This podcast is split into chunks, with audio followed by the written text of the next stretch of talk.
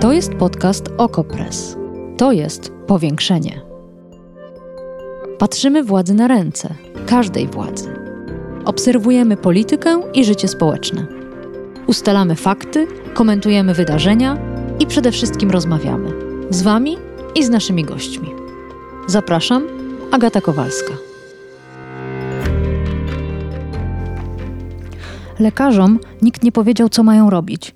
Dzwonili i pytali: Nie wie pani, czy ja mogę dokończyć zabieg? Lekarze znaleźli się w pułapce. Z jednej strony ich misją jest pomagać, a z drugiej jest prawo, które im teraz tego zakazuje. Oni nie wiedzą też, jak to prawo będzie egzekwowane. Łatwo powiedzieć lekarzowi: bądź odważny, ale oni nie wiedzą, czy ich w kajdankach nie wyprowadzą ze szpitala, albo czy nie odbiorą prawa wykonywania zawodu. Lekarze też mają rodziny. To nie są moje słowa. Tak w wywiadzie dla Okopres mówiła Krystyna Kacpura, szefowa Federacji na Rzecz Kobiet i Planowania Rodziny. Wywiad przeprowadziła Magdalena Chrzczonowicz. Te słowa mnie zastanowiły. Czy rzeczywiście lekarzy pozostawiono samych sobie? Takie pytanie mogłabym zadać po prostu lekarzowi. Albo władzom samorządu lekarskiego. Wybrałam obydwie opcje i jednego gościa. Zapraszam na powiększenie. A gościem powiększenia jest dr Artur Drobniak, lekarz ginekolog, położnik z drugiej katedry położnictwa i ginekologii Warszawskiego Uniwersytetu Medycznego i jednocześnie wiceprezes Naczelnej Rady Lekarskiej. Dzień dobry, panie doktorze. Dzień dobry pani redaktor, dzień dobry państwu. Panie doktorze, pan pod koniec stycznia objął tę funkcję wiceprezesa Naczelnej Rady Lekarskiej, ale to nie jest pana debiut w samorządzie lekarskim, prawda?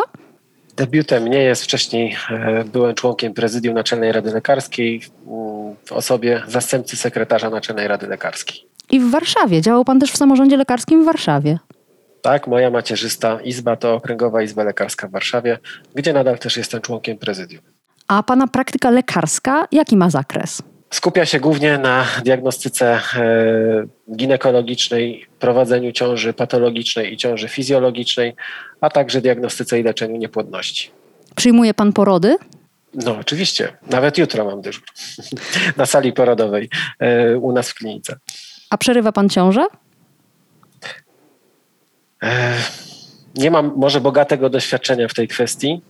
Pracuję w zawodzie od około no, 9 lat i do tej pory mnie osobiście nie zdarzyło się przerwania, przerwanie ciąży, natomiast wielokrotnie zdarzyło mi się z uwagi na to, że nasza klinika jest w najwyższym stopniu referencyjności, przyjmować porody e, martwych dzieci, ciężko chorych, które zmarły wewnątrzmacicznie lub takich dzieci, które były ciężko chore i zmarły zaraz po urodzeniu.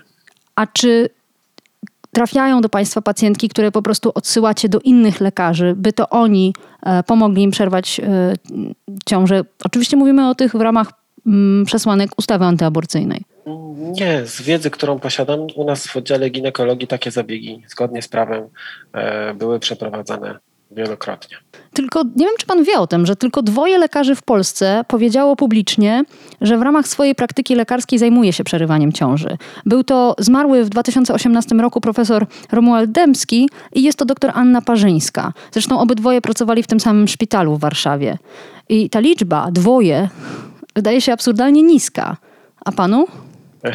Na pewno jest absurdalnie niska. Wiadomo, że w każdym szpitalu e, tych najwyższych stopni referencyjności, gdzie tego typu e, wywołania porodu przedwczesnego bądź wywołanie poronienia e, no, w postaci terminacji ciąży, no, tam gdzie są przeprowadzane, tam najczęściej ilość lekarzy, którzy się tym zajmują, to nie jest jedna czy dwie osoby, ale najczęściej kilka. Ja zastanawiam się dlaczego. Dlaczego lekarze nie mówią głośno o tym, że zajmują się przerywaniem ciąży? Choćby po to, żeby normalizować ten zabieg czy tą decyzję, bo czasem to nie jest zabieg, prawda? Czasem to jest po prostu przyjęcie środków e, poronnych. Może często po prostu zadane pytanie jest niewłaściwym osobom. No, drodzy Państwo, proszę pamiętać, że w oddziałach ginekologii i położnictwa w Polsce pracuje kilka tysięcy specjalistów i nie znaczy to, że każdy z tych kilku tysięcy specjalistów e, tego typu e, no, czy zabiegów, czy, czy podaży środków dokonywał. E, to często wygląda w ten sposób w praktyce klinicznej, że są to dwie, trzy osoby na dany szpital, a mówię przecież o wybranych już szpitalach, które takimi zabiegami się zajmowały, które no, nie, nie wycofują się za klauzulę sumienia i decydują się e, na, na przeprowadzenie takiej procedury. Mhm. To ciekawe, co pan mówi, bo mm, to nie jest tak, że ja poluję i pytam lekarzy e, masowo e, metodą trałowania, aż znajdę kogoś, kto przerywa ciążę. Nie, nie chcę robić z tego sensacji. Natomiast pamiętam rozmowę z profesorem Demskim. On opowiadał o tym, że dostaje pogróżki, że fanatycy religijni wiedzą, gdzie on mieszka, że niszczony jest mu samochód, E, I zastanawiam się, czy e, lekarze w Polsce zdają sobie sprawę z tego, że niebezpiecznie jest przyznać, że się przerywa ciążę legalnie. Ciekawą koncepcję pani przedstawiła. No, to znaczy, domyślam się, że pan profesor Demski, który był, był twarzą nowoczesnej tak naprawdę diagnostyki prenatalnej w Polsce, bo bardzo nie lubię sprowadzania pana profesora Demskiego do roli e, głównego przerywacza ciąż, co próbują. On też tego nie lubił. Środowisk, tak. Co próbuje wiele środowisk mówić. To był człowiek, który zajmował się, jego ludzie zajmowali się ciężkimi przypadkami i przede wszystkim nieśli ogromną pomoc dużym rzeszom kobiet polskich kobiet, które nie mogły tej pomocy uzyskać gdzie indziej. Ale to prawda, chociaż e, przerwanie ciąży też jest pomocą. Tak, no w zależności od sytuacji jest wyborem danej pacjentki i bardzo często faktycznie umożliwia tej pacjentce na przykład zajść w kolejną ciążę znacznie szybciej. A jeżeli mówimy o pacjentce, która jest po 40 roku życia, te kilka miesięcy donoszenia takiej ciąży bądź przerwania jej na wczesnym etapie jest pomocą e, która realnie no, przyniesie korzyści dla jej rozrodu na przyszłość. Mhm. To jest wiele takich sytuacji, w których na pewno takie postępowanie medyczne y, no, ma naprawdę sens y, również społeczny, demograficzny. Hmm. O tym często zapominamy, prawda? Aborcja jako sposób na to, żeby e, następnie znów móc zajść w ciążę. Chociaż myślę, że wiele kobiet po prostu chce mieć pewność, że nie będzie zmuszona do rodzenia martwego płodu, do donoszenia ciąży, która nie ma szans przetrwać.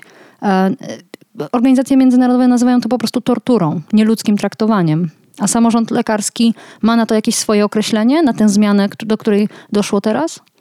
My już w październiku po, e, po przedstawieniu wyroku Trybunału, jeszcze przed jego opublikowaniem, wydaliśmy dość jasne stanowisko na ten temat, uważając, że jest to ograniczanie w pewien sposób wolności konstytucyjnej, a w niektórych nawet przypadkach nosi to znamiona terapii uporczywej, e, czyli za wszelką cenę prowadzenia życia, wiedząc, że ono ulegnie zakończeniu no prędzej czy później, najczęściej prędzej, albo jeszcze w ciąży, albo po, po jej mm. zakończeniu. Mm -hmm. No tak, to była, to była uchwała mm, Naczelnej e, Rady, jeszcze, Prezy, prezydium, prezydium Rady tak, z października. I e, tak. chciałabym wrócić jeszcze na chwilkę do tego wywiadu z Krystyną Kacpurą, szefową Federacji na Rzecz Kobiet i Planowania Rodziny, która mówiła w wywiadzie dla Okopres tak. Noc z 27 na 28 stycznia zapamiętam na zawsze. Koszmar, najgorsze chwile w moim zawodowym życiu. Odebrałam dziesiątki telefonów od przerażonych kobiet i zdezorientowanych lekarzy. Nikt tym lekarzom nie powiedział, co mają robić. Dzwonili i pytali, nie wie pani, czy ja mogę dokończyć zabieg? Zastanawiam się, czy w samorządzie lekarskim też urywały się tej nocy telefony. W, w samorządzie centralnym, czyli w Naczelnej e, Izbie Lekarskiej na pewno nie. Natomiast nie mogę odpowiedzieć za okręgowe izby lekarskie i to, czy prezesi, czy pracownicy na funkcyjnych stanowiskach okręgowych izb lekarskich tego typu telefony otrzymywali. Ja takich nie otrzymałem, no ale tutaj byłoby to oczywiście e, no, demagogią porównywać jednego lekarza. Tak, ale do, to znaczy, że lekarze dzwonią do Federacji na Rzecz Kobiet i Planowania Rodziny, do organizacji pozarządowej, a nie do własnego samorządu po pomoc? Jeśli takie pani z federacji otrzymywała telefony, no być może tak jest. Ciężko mhm. mi tutaj się odnieść, proszę państwa. No, nie możemy też podchodzić do tego tematu tak zero-jedynkowo, prawda? Bardzo często y, przede wszystkim lekarze ginekolodzy konsultują się ze swoimi szefami. No to są nasi bezpośredni przełożeni. Często możemy z nimi przeprowadzić naprawdę merytoryczną rozmowę i przede wszystkim no, uzyskać informacje o tym, y, jakie kroki wdrożyć i jakie postępowanie w danej chwili przeprowadzić. Wydaje Ale... mi się, że to jest bardziej logiczne, żeby skontaktować się ze swoim bezpośrednim przełożonym i szefem, a on może się skonsultować jeszcze z wyżej przełożonym i szefem, choćby z krajowym czy wojewódzkim konsultantem do spraw ginekologii i położnictwa i uzyskać informacje w tej kwestii. Tutaj organy samorządu akurat nie są adresem docelowym, wydaje mi się, do e, takiego, do takich zapytań o to, co mhm. mam dalej robić. I też mi się wydaje, że no, pani z federacji y, też nie jest takim adresem. Tak? Tutaj należy odnosić się do bezpośrednich przełożonych a najlepiej jeszcze osób, które odpowiadają za ginekologię i położnictwo w Polsce, czyli wojewódzkich i krajowych konsultantów, bądź szefów bądź osób z zarządu Polskiego Towarzystwa Gine Ginekologii i Perinatologii. A próbował pan kiedyś dodzwonić się do konsultanta wojewódzkiego lub krajowego w środku nocy? Bo ja w ciągu dnia próbowałam i to jest niemożliwe. Nie no, w środku nocy to na pewno... No a to były sytuacje, no. które wtedy się działy, dosłownie wtedy pan profesor akurat Czajkowski, który jest krajowym konsultantem i moim, moim poniekąd szefem w katedrze, drugiej katedrze położnictwa i ginekologii w Warszawie, odbiera telefony w nocy, jeżeli mamy nagłe zdarzenie na sali porodowej.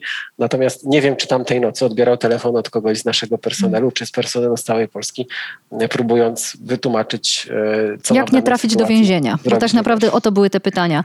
To mnie ciekawi trochę, bo, bo samorząd, z jednej strony, tak. samorząd z jednej strony w październiku już e, przygotował swoje stanowisko wobec, tej, tego, wobec tego orzeczenia Trybunału i wobec jego skutków, a jednocześnie w żaden sposób aż do stycznia nie przygotował lekarzy, nie przygotował, jak rozumiem, żadnej ekspertyzy prawnej pokazującej konkretne ścieżki tego, jak postępować, kiedy ta ustawa wreszcie zostanie e, zmieniona i e, jeszcze mocniej ograniczona. A przygotowujecie masę szkoleń. Ja przejrzałam stronę, e, szkolicie z wielu, wielu mm, rzeczy lekarzy, nie tylko dotyczących bezpośrednio medycyny, ale również prawa, również komunikacji z pacjentem. Pan zresztą chyba nawet odpowiadał przez jakiś czas za, za ten e, ośrodek szkoleń. Więc zastanawiam się, co ro robiliście od października?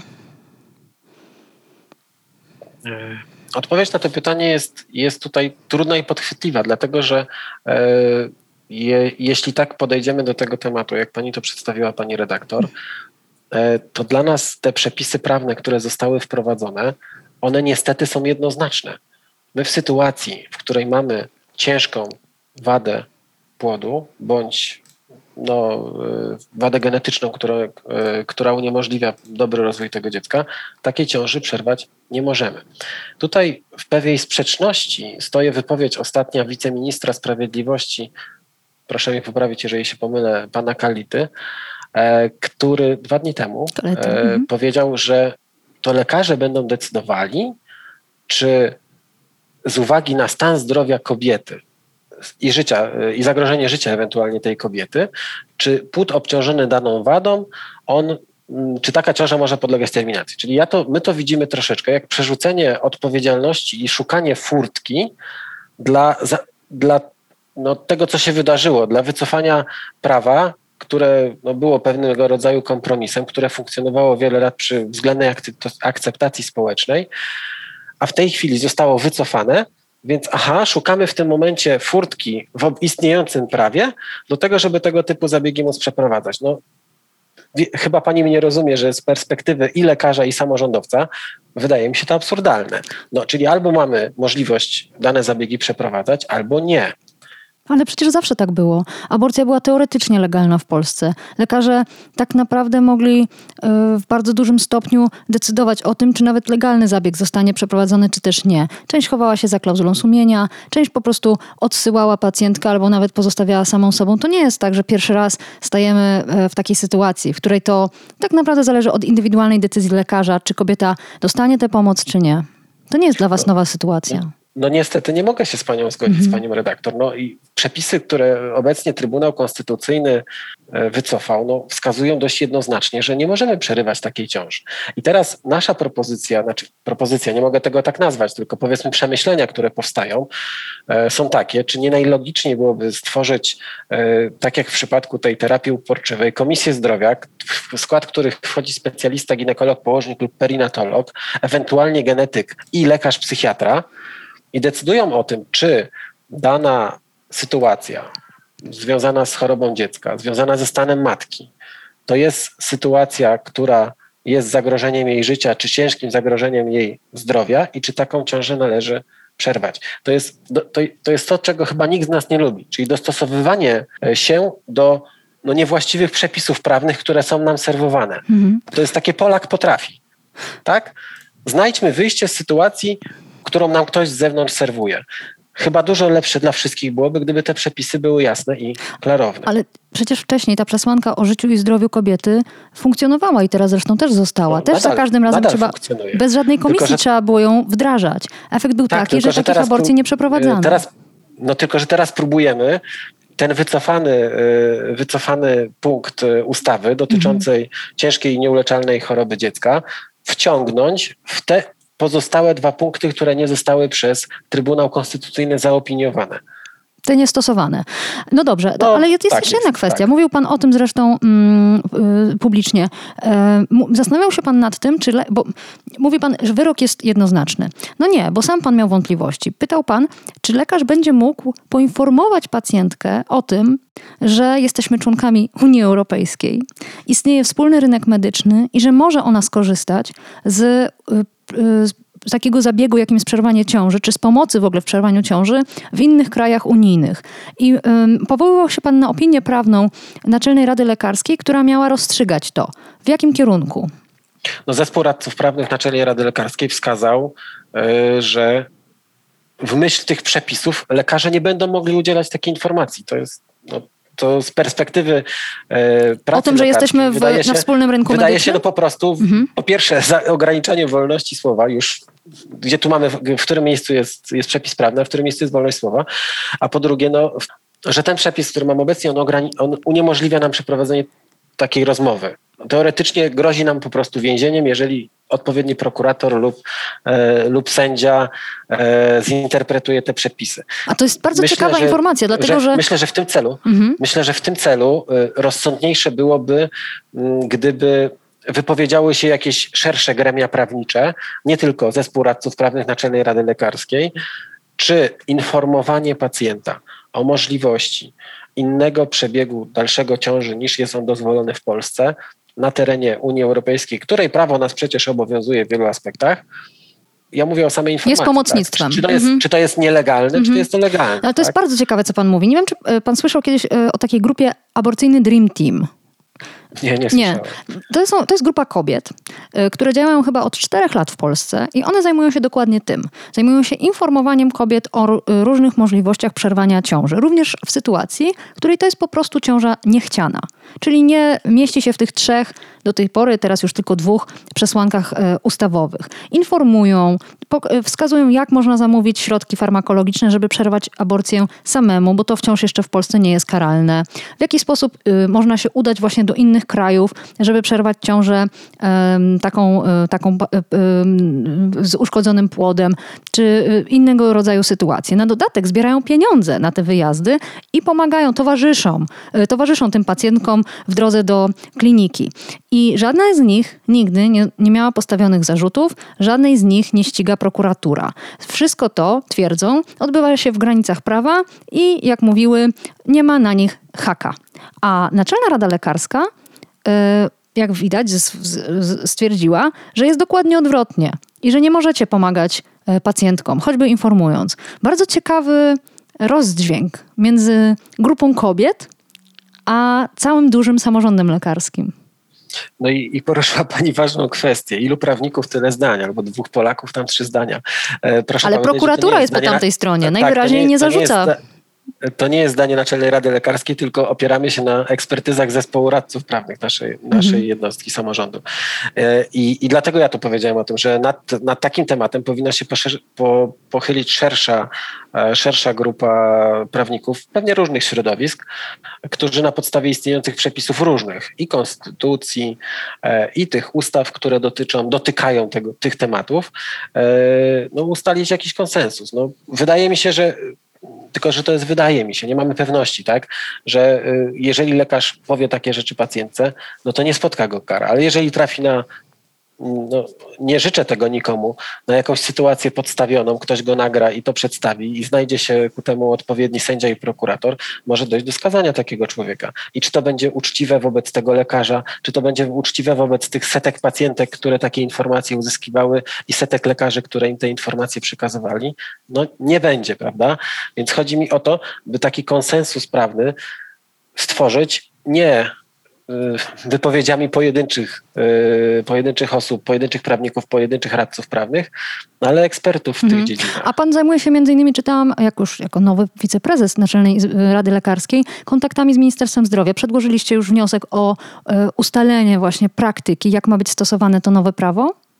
Nie, No, to nie było poruszane w ostatnich rozmowach z Ministerstwem Zdrowia. W ostatnich rozmowach z Ministerstwem Zdrowia skupialiśmy się na polityce, e, polityce rozwoju systemu opieki zdrowotnej na okres 21-27 i tak zwanej policy paper, która ma być przedstawiona i przekazana do e, Unii Europejskiej. No tak, ale mówimy, mówimy o lekarzach, którzy są zagrożeni karą więzienia, więc wydawało mi się, że to jest dosyć e, pilna sprawa. Ale jeszcze chciałam cofnąć e, się w czasie. E, tak jak mówiliśmy, zajmował się pan e, działaniem w samorządzie wcześniej, zanim został mm, powołany na tak wysoką funkcję. Więc może będzie w stanie Pan odpowiedzieć na pewne pytanie, które nie tylko zostało zadane, ale wręcz wykrzyczane kilka lat temu na Placu Konstytucji. Odbywał się jeden z czarnych protestów. I kobiety krzyczały, gdzie są lekarze? Chodziło o to, że środowisko lekarskie milczało, kiedy po raz kolejny próbowano zaostrzyć ustawę aborcyjną. E, milczało zresztą przez poprzednie dekady również. Nie zabierało głosu w tej sprawie. Gdzie byliście wtedy? Ja jestem członkiem samorządu, w sensie władz samorządu czy rad, rad lekarskich dopiero od, od e, trzech lat, czyli w tej kadencji i przyznam szczerze, że y, nie chcę się wypowiadać za to, co się działo w poprzednich kadencjach samorządu, bo ja już wiem, jak w tej kadencji samorządu potrafi być środowisko podzielone w różnych kwestiach. Jeszcze jedna kwestia. E, Lewica przedstawiła pomysł na rozwiązanie problemu. Miałaby być to ustawa dekryminalizująca aborcję. Innymi słowy, wciąż byłaby ona zakazana, ale nie karana e, więzieniem czy e, utratą prawa do wykonywania zawodu. Cały czas oczywiście mówimy o lekarzach, o medykach. Kobieta sama w sobie nie jest w Polsce karana za przerwanie ciąży. Czy Naczelna Rada Lekarska ma już jakieś stanowisko wobec tego projektu ustawy? Nie, stanowiska jeszcze nie stworzyliśmy. E, prawdopodobnie jak większa część projektów e, zostanie nam przesłany do opinii i z pewnością takie, taką, tak, tak ten projekt e, ustawy zostanie przez nas zaopiniowany. Dobrze, że pani to poruszyła. Najbliższe prezydium mamy w przyszłym tygodniu i, i myślę, że ja ten temat podniosę, jeżeli on się nie znajdzie na wokandzie. A czy jest jakiś inny pomysł, jakaś inicjatywa własna samorządu dotycząca rozwiązania ty, tych kwestii, jakiś projekt, pomysł, czy macie własny plan? No to, co nam się pierwsze nasunęło, to jest właśnie stworzenie tych komisji lekarskich, które mogłyby orzekać o tym, co w pewien sposób byłoby zabezpieczeniem prawnym dla e, lekarza ginekologa przeprowadzającego procedurę terminacji ciąży w określonej sytuacji. I to jest takie bezpieczne wyjście, które tak nam się wydaje, bezpieczne wyjście, e, które e, no, na zasadzie konsensusu specjalistów z różnych dziedzin będzie mogło udzielić pomocy mm. pacjentce. Już na koniec, tę sprawę podnosił m.in. Rzecznik Praw Obywatelskich. Chodzi o klauzulę sumienia, której używają nie tylko sami lekarze, ale całe szpitale. W Polsce Podkarpacie jest strefą wolną od legalnych aborcji. Istnieje tam tylko podziemie, no i oczywiście pacjentki kobiety mogą same przerwać ciążę e, za pomocą środków poronnych w domu. E, zastanawiam się, czy samorząd lekarski kiedykolwiek odniósł się do tej kwestii, że duże województwo w Polsce nie umożliwia kobietom przerwania ciąży w żadnym ze szpitali. E, z informacji, które posiadam, nie odniósł się. Tylko proszę pamiętać, że samorząd lekarski, zwłaszcza naczelny, zrzesza, zrzesza w swoich gremiach lekarzy z całej Polski, lekarzy różnych, o różnych poglądach, różnych religiach. E, I, i mogę to powiedzieć na podstawie obserwacji przez te trzy lata, jak, jak w tym samorządzie jestem i pracuję, że tak jak nasze społeczeństwo na różne tematy jest podzielone, w tym jest podzielone na temat aborcji, tak również środowisko lekarskie. Wydaje nie chcę usprawiedliwiać kolegów, tak, czy poprzednie kadencje, ale wydaje mi się, że temat był mówiąc kolokwialnie, dość niewygodny. Ale no, wie pan, panie doktorze, żebyśmy pewnie, się dobrze pewnie, zrozumieli. Pewnie mi nie chodzi o klauzulę tego... sumienia pojedynczych lekarzy. Chodzi mi o to, że całe województwo jest pozbawione a, takiego, takiego świadczenia medycznego, jakim jest przerwanie ciąży. I wydawałoby się, że samorząd lekarski, działający nie tylko na rzecz lekarzy, ale też, e, to wynika z waszego statutu, na rzecz pacjentek, pacjentów, powinien zabrać głos, chociaż raz.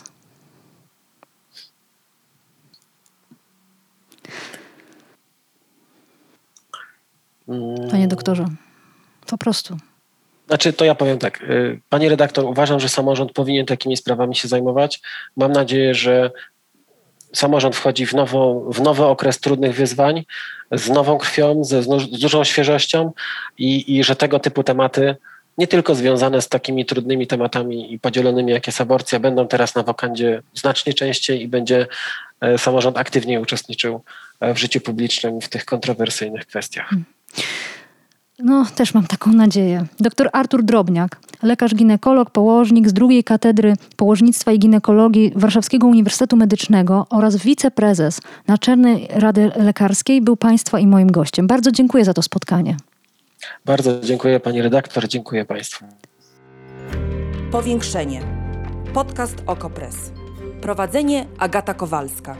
Podcast znajdziesz na stronie Okopres i w Twojej ulubionej aplikacji do podcastów. Redakcja Okopres działa od 2016 roku. Jesteśmy obywatelskim narzędziem kontroli władzy, obecnej i każdej następnej. Okopres utrzymuje się z Waszych darowizn. Wesprzyj nas, byśmy mogli działać dalej.